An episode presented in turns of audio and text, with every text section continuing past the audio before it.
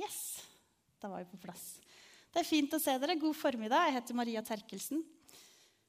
Og jeg eh, skal snakke om mot. Det trenger jeg litt mot til sjøl, kjenner jeg. Skal vi se, Der var det på plass. Så fint. Vi har hatt en serie på eh, tre søndager som vi har hatt mot som tema.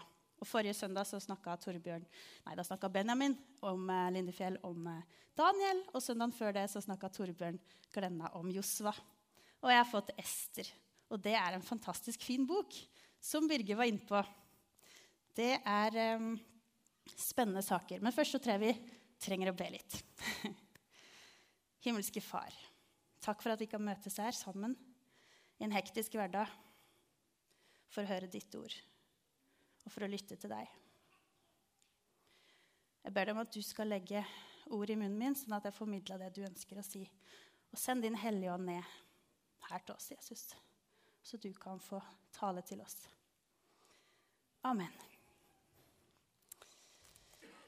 Ja. Esters bok det er en uh, ganske kort bok. Den har ti kapitler. Den uh, ligner på en novelle for de som er liksom norsklærere.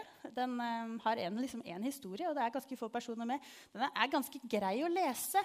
Det går um, raskt. Og historien den er spennende spennende. Den er litt annerledes. Og Hovedgrunnen til at den er litt annerledes, det er kanskje fordi at Guds navn nevnes ikke en eneste gang i Esters bok. Det er litt annerledes. Det er den eneste boka det er sånn i.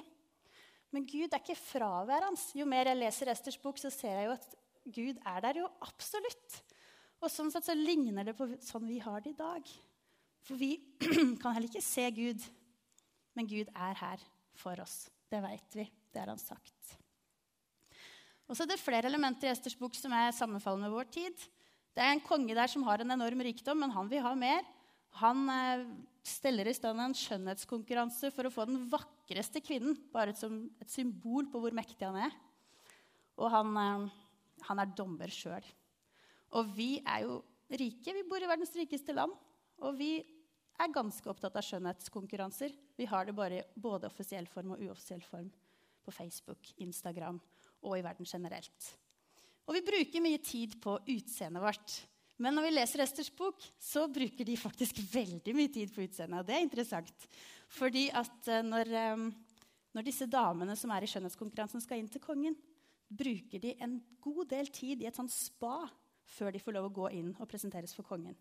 Det er ikke bare noen dager eller noen timer. De bruker faktisk tolv måneder i spa før de kan komme inn til kongen og vise seg fram.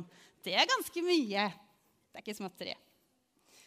Ellers i Esters bok så er det demonstrasjon, intriger, maktkamp. Det er mye som vi kan kjenne oss igjen i. og Jeg kommer mer tilbake til det etter hvert. Jeg vil oppfordre deg veldig til å lese Esters bok når du kommer hjem. fordi det er ikke alt jeg forteller, som eh, dere sikkert syns er litt artig å lese. Så gjør det. Ti kapitler det er ganske enkelt å komme gjennom på en søndag. Nå skal jeg ta en sånn veldig rask eller ja, grei gjennomgang. Dette er kong Serkses. Kong Serkses han var konge, det er han som er konge Esters bok. Han er veldig glad i en fest, så han lager en fest for sine tjenere og stormenn som varer i 180 dager. Det er jo ikke småtteri for en fest. Eh, og Man skulle tro at han da var ferdig med festing når den er ferdig, men da, for den 180-dagersfesten er for tjenere og folk han jobber sammen med. Men etter den lange festen på et halvt år så lager han en ny fest. Den er på sju dager. Og den er for alle i byen. Og samtidig med den sjudagersfesten så har dronning Varsti en fest. Det er dronning til Serkses. Hun har en fest for kvinner inne på Slottet. Den varer også sju dager. Og helt til slutten av den eh, sjudagersfesten til kongen, som er parallelt med den til Varsti, så sier kongen at Varsti må komme ut med krone på hodet og vise seg fram. For han liker å vise fram den mest vakre dronningen han har, som han er veldig stolt av. For hun var veldig, veldig vakker, står det. Men dronning Varsti eh, Hun sier det kommer ikke på tale, beklager. Og så kan det være mange til det, men hun vil ikke komme. Og da blir kongen rasende, for man har ikke lov til kongen. Det er litt dårlig. Ja. Um, så det som skjer er at Dronning Varsti må ut av slottet. Hun får ikke lov å være dronning lenger. Hun blir kasta ut. Og så angrer kongen litt etterpå, for hun var så utrolig pen. Sånn. Og da blir tjenerne litt stressa, for hvis han tar henne tilbake, så er det på en måte et sånt tegn på litt svakhet. fordi at uh, hun adlede ikke kongen, hun må ut. Så Derfor så kommer de opp med et kjempebra forslag om at han må arrangere en skjønnhetskonkurranse. For da kan du jo få den aller vakreste i hele landet til å bli dronningen din. Det må jo være perfekt. Og du kan være dommer. Det syns han er en god idé. Han um, setter i gang skjønnhetskonkurransen, og det hentes inn kvinner fra hele riket. Sikkert de peneste, da. Og her kommer Ester inn i bildet. Og hvem er da Ester? Hvor kommer hun fra?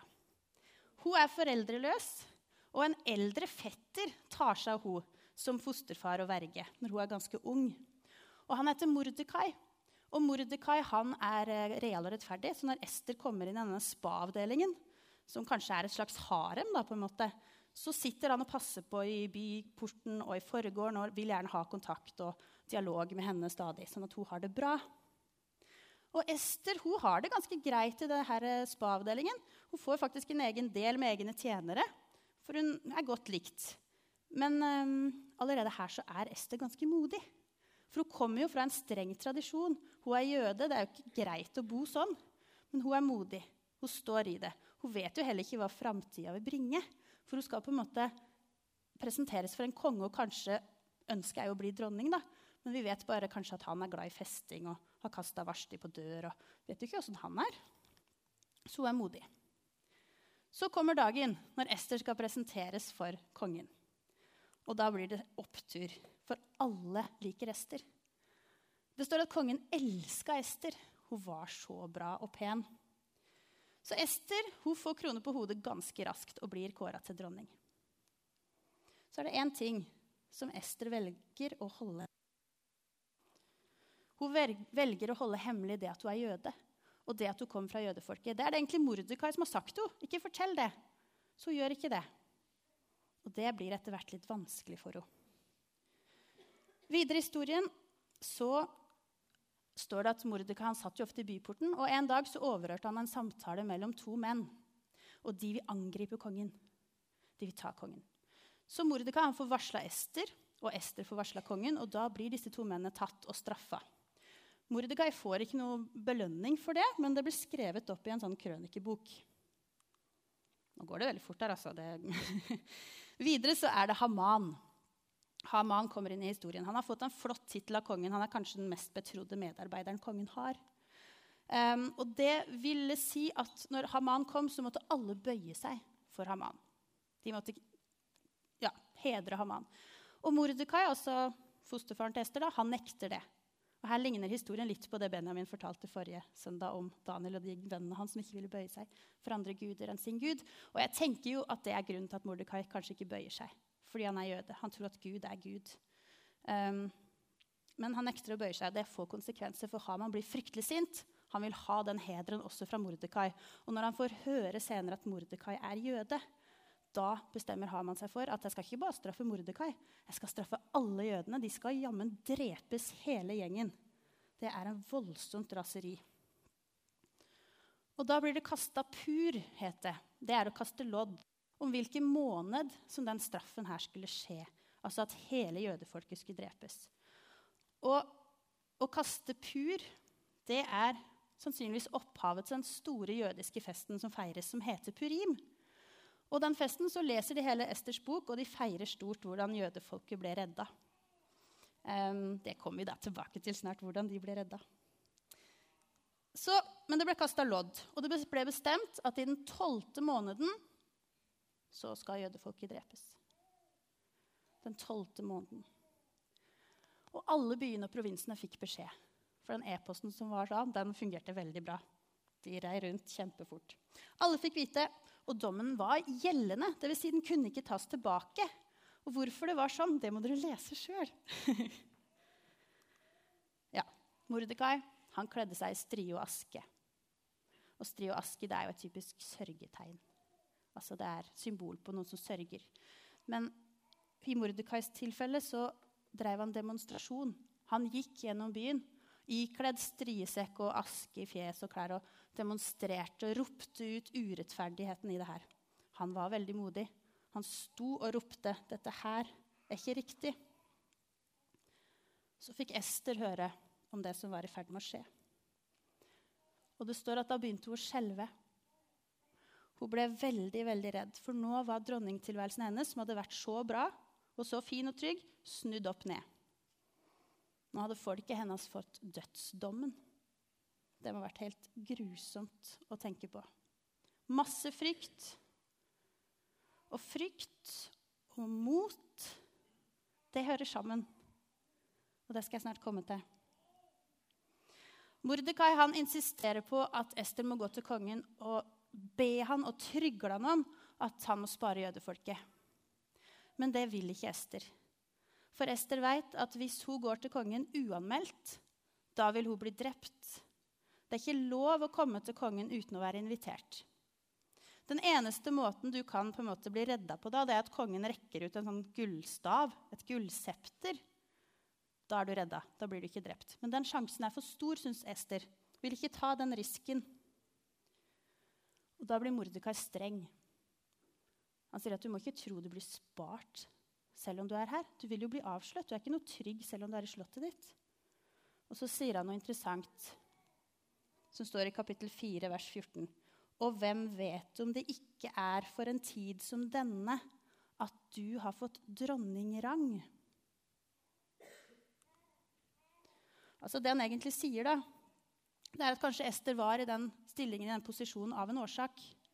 Kanskje var det Guds ledelse at hun hadde kommet seg dit. Kanskje var det liksom meant to be.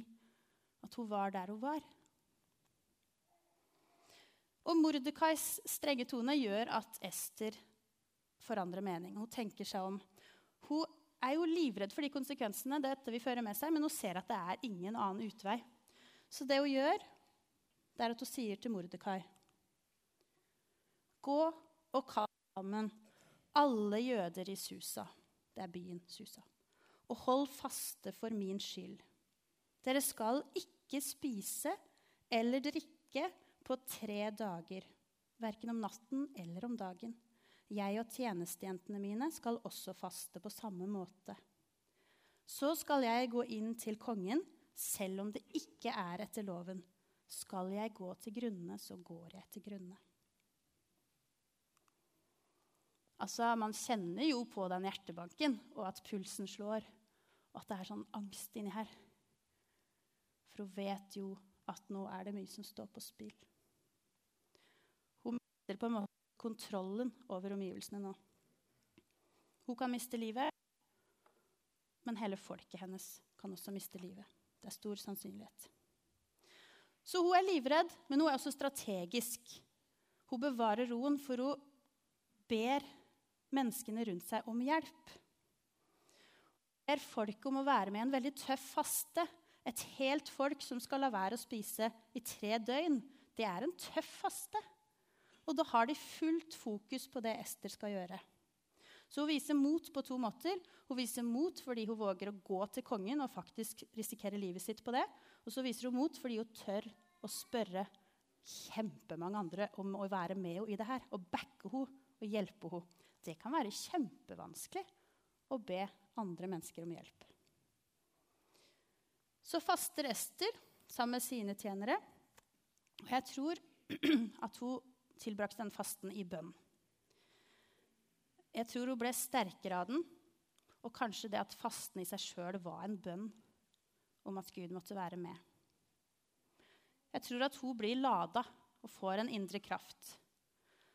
For hun møter opp hos kongen etter tre dager. Så står hun ute i slottsgården der og ser inn på kongen som sitter på tronen. Og da må hun ha kjent seg utrolig liten. For hun visste at nå kan jeg dø, eller jeg kan leve. Og Heldigvis så står det at kongen fikk velvilje for henne, så han rekker ut den gullstaven sin. Han ser henne og viser 'kom hit til meg'. Så blir hun så glad, men hun, han spør 'Hva kan jeg gjøre for deg?' Kjære Ester. Men så sier hun ikke egentlig hva han kan gjøre. Hun sier bare du kan komme på en fest til meg. Ta med deg Haman, den mest betrodde tjeneren hans. Hun er på fest hos Ester, og så ber hun til en fest til. Og mellom de her to festene så planlegger Haman hvordan han virkelig skal få drept Mordekai. Han er jo så sint på Mordekai ennå fordi han ikke bøyde seg for han. Så mye vonde følelser, vet du. Og så, så sitter han og planlegger mord, eh, hvordan han skal drepe Mordekai. Haman har til og med lagd en slags galge som han skal ta ham på.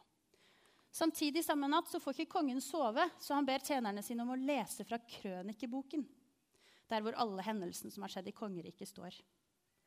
Og Her leser de om hvordan Mordekai redda livet til kongen den gangen. Og så spør kongen fikk Mordekai noe belønning for det her. Nei, det gjorde han ikke, sier de. Nei, men det må han jo få. Uh, og hvordan han får den belønninga, er ganske artig og morsom. Det må dere også lese selv når dere kommer hjem. så, kommer mor, eh, så kommer kongen og Haman til Esters fest. Og da er Ester helt ærlig. Hun sier at til mannen sin og kongen jeg er jøde.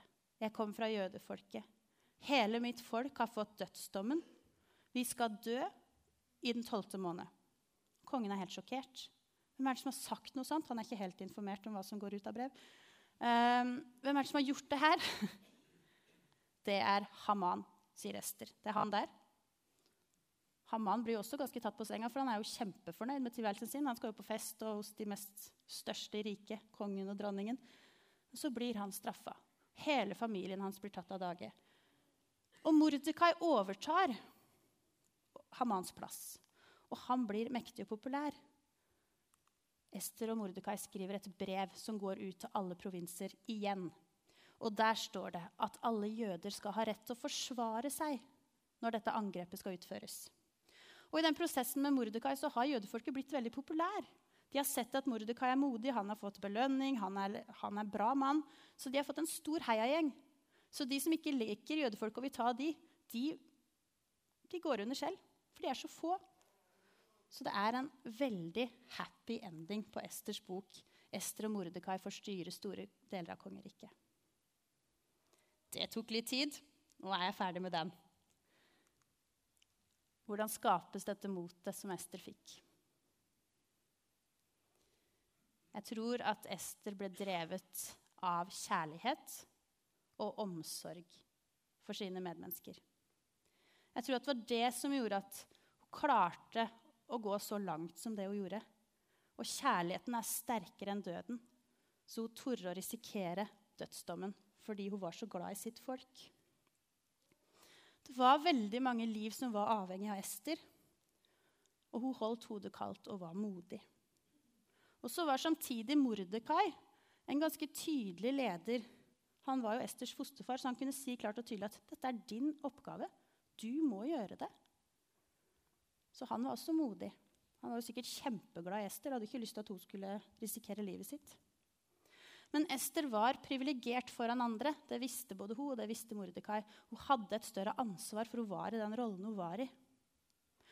Og vi mennesker vi har jo et stort ansvar bare ved å være mennesker. Men vi som er foreldre, vi som er ledere. Vi er privilegert foran andre. Så alle vi har et ansvar for hverandre. Og jeg tror at hvis vi skal drives av kjærlighet og ha ansvar for hverandre, så må vi tore å åpne opp. Vi må tore å vise følelser. Vi må tore å vise hvem vi er, kjenne på frykten og være modig. Og så er det fryktelig lett å si, da. Det er klart vi må være modige. Men jeg har jo ikke tall på hvor mange ganger jeg har kjent etterpå at åh, jeg skulle gjort ting annerledes. Det her var utrolig dårlig av meg. Og kjent meg minst modig av alle. Bitte liten. For når det kommer i en situasjon som blir tøff, så feiger man ut. Så av og til så er frykten mye større enn motet. Det er en mann som heter Svein Harald Røyne som er foredragsholder og forfatter og lederutvikler. Og han har et veldig godt sitat.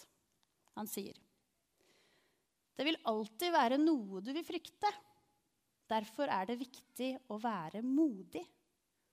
Du kan ikke være modig hvis du ikke frykter noe. Uten frykt eksisterer ikke mot.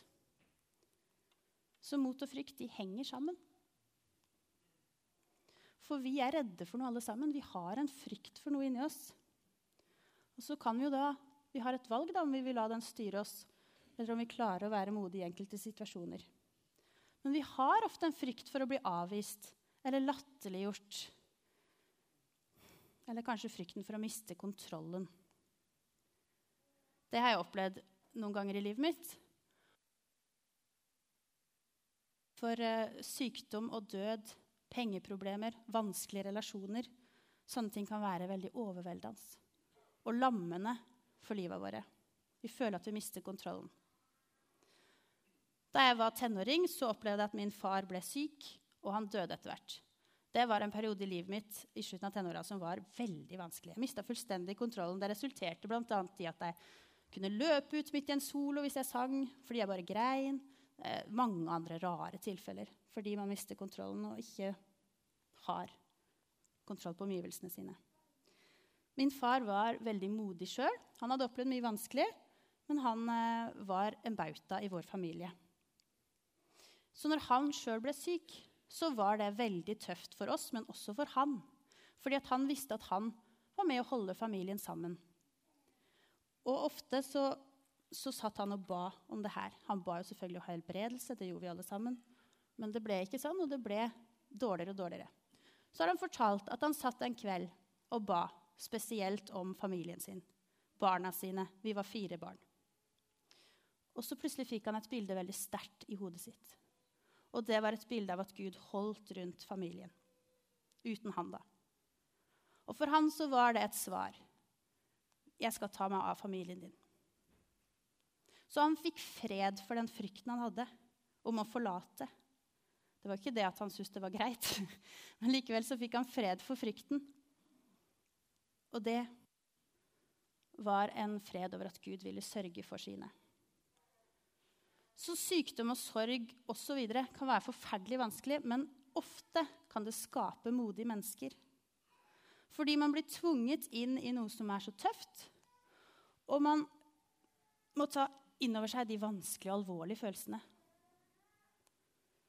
Og så må man jobbe mot bitterheten, for det kan også være vanskelig å få ut av hjertet sitt når vonde ting skjer med de man er glad i. Og her så er Gud og kan gi oss kraft. Det virker ikke alltid sånn når man er på det mørkeste. Men Gud er der alltid. På de gode dagene og onde dagene så er han alltid med og gir kraft.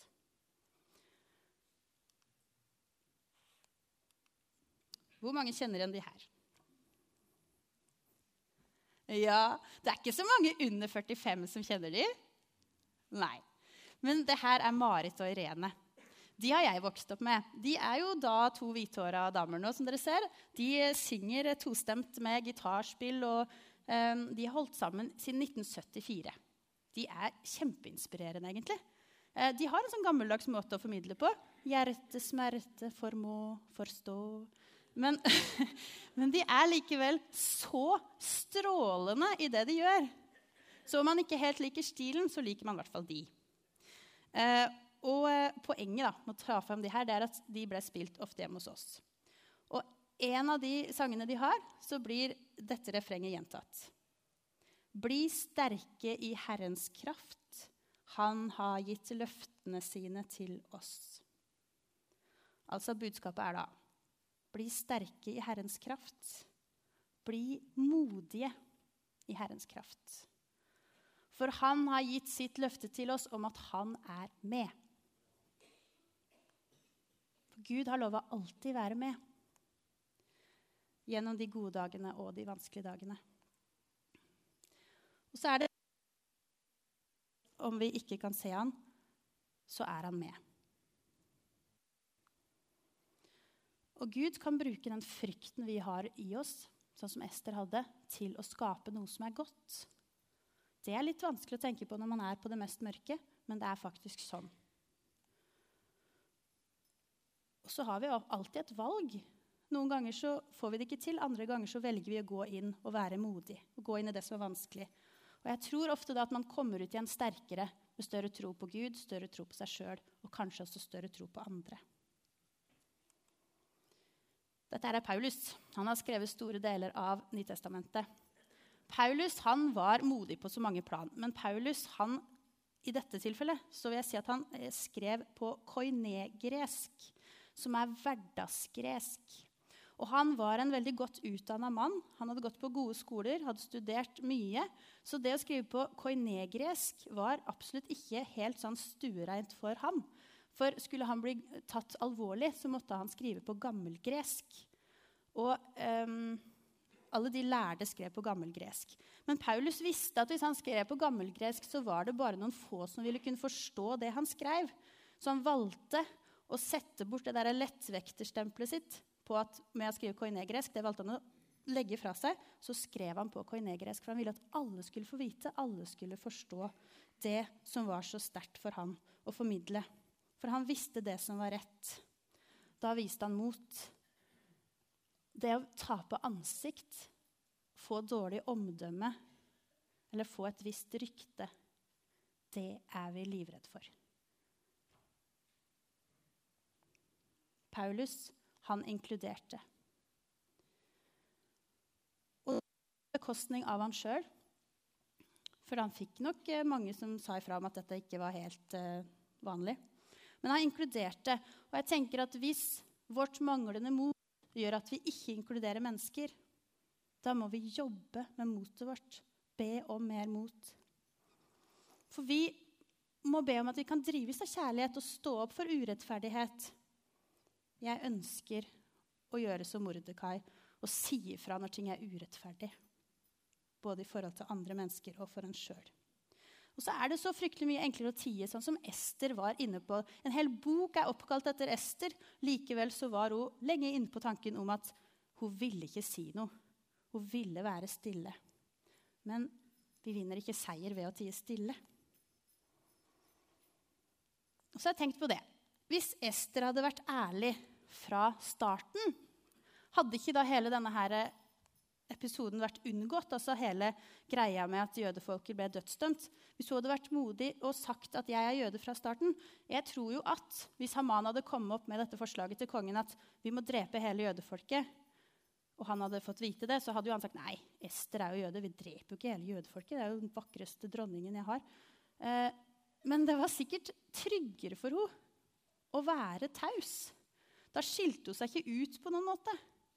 Hun var tryggere på og sikrere ved å bare tie om det som var vanskelig. Men så når hun da må si hvordan det er, når hun samler mot og virkelig gjør det, da blir det frigjørende, for ærlighet setter fri. Og det med at ærlighet setter fri, det er så lett å si. um, for jeg tror at alle vi har større eller mindre måte en hemmelighet, en um, frykt for noe, skam over noe. Eller vi har um, en annerledeshet som vi ikke vil at andre skal vite om. Og det å være ærlig er så vanskelig. Vi klarer ikke helt å kvitte oss med det heller, for vi har det inni oss. Dette er jeg flau over. Men jeg tror at bekjennelse, altså det vil si å si det til noen, det vil sette oss mer fri. Og nå er jeg ved slutten. Jeg sier at frykt og mot hører sammen. Og Gud kan gi oss kraft og mot. Og for at vi skal få kraft og mot, så må vi bruke litt tid med Gud, da. Jeg tenker at um, vi kan si til Gud hva som er vanskelig for oss. Fortelle han det. Og så kan vi be om at han skal hjelpe oss med det. Så enkelt. Hvis du begynner å be til Gud og fortelle ham de vanskelige tingene og sette ord på det, så er vi allerede et stykke på vei. Esters bok viser jo at hele folket var dødsdømt, og så ble ærlighet det som var frigjørende. Det satte hele folket fri. Og Ester trossa frykten fordi Gud var med og ga henne det. Og livet vårt Livet ditt er kanskje veldig hardt og brutalt akkurat nå. Og hvis du er i en sånn situasjon nå, så bruk andre mennesker rundt deg. Be om kraft og mot til å stå i det. Be om håp. Gud er der for deg. Han ser deg. Og det med at Ester fikk hele folket med seg, hun brukte menneskene rundt seg, det må vi være flinkere til. Vi må bruke hverandre. Vi må torre å stole på menneskene rundt oss. Ester hun mobiliserte bare alle. Det er helt fra starten, når Gud skapte oss, så var det sånn at Gud så at vi trenger et fellesskap med hverandre. Han skapte mannen, og så ser han at han trenger jo fellesskap og så skapte han kvinnen. Mennesker trenger fellesskap med hverandre. Vi er ikke lagd for å være aleine. Så hvis du er en av de som syns det er fryktelig vanskelig å snakke om dine innerste følelser, og ting, så be om mot til det. Jeg tror det er godt for deg. Og så må vi hjelpe å se hverandre. For det er av og til så fryktelig tungt å be andre om hjelp.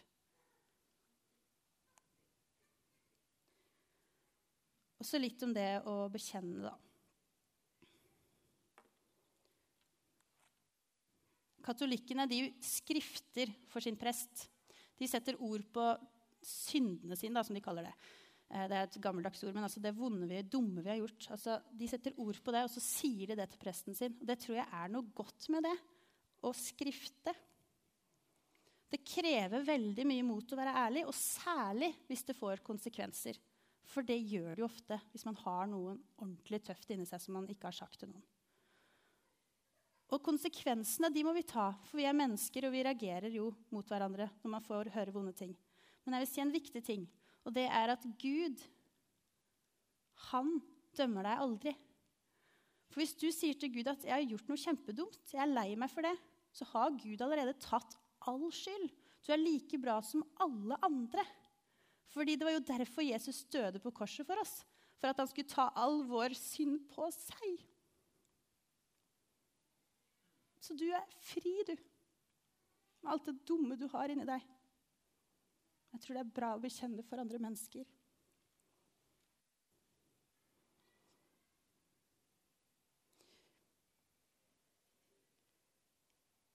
Ja.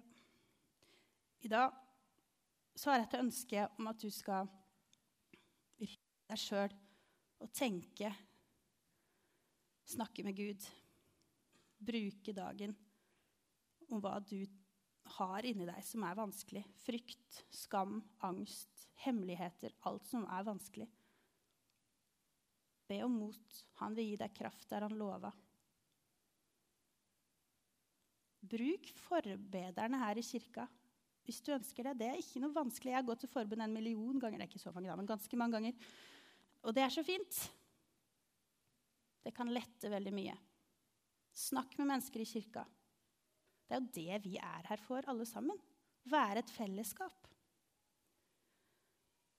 Og så til slutt så vil jeg si at hvis det er noen her som aldri har sagt til noen at de ønsker å være kristne, de ønsker på en måte å bekjenne, som vi kalte det før, at jeg tror på Gud, så er kanskje dette dagen, da. Fordi det er ikke noen andre dag som er bedre. Be om mot til å snakke med mennesker. Gå til forbønn. Tenn et lys. Nå skal lovsangsteamet straks spille for oss. Jeg vil si at Hvis det er sånn at det sitter noen her som har de tankene, så er den største heiagjengen er her. Hele menigheten heier, og Gud heier. Dette fikk jeg for meg at jeg skulle si hjemme. Så jeg sier det. Første talen min. ja. Vi ber en bønn. Kjære Jesus, jeg ber deg om at vi skal bli modigere. Jeg ber deg om at vi skal la kjærligheten styre oss i våre relasjoner med andre og med alle vi omgir oss med, Jesus. La kjærligheten styre. Jeg ber deg for alle de som har det vanskelig, de som ikke føler at de har mot i det hele tatt. Jeg ber deg om at du skal være med og bare gi styrke ber deg for de av oss som er friske, og de av oss som er syke, og de av oss som har dårlig helse, og de av oss som er i dårlige relasjoner. og Alle sammen. Du ser oss alle, Jesus. må du være nær oss alle. Amen.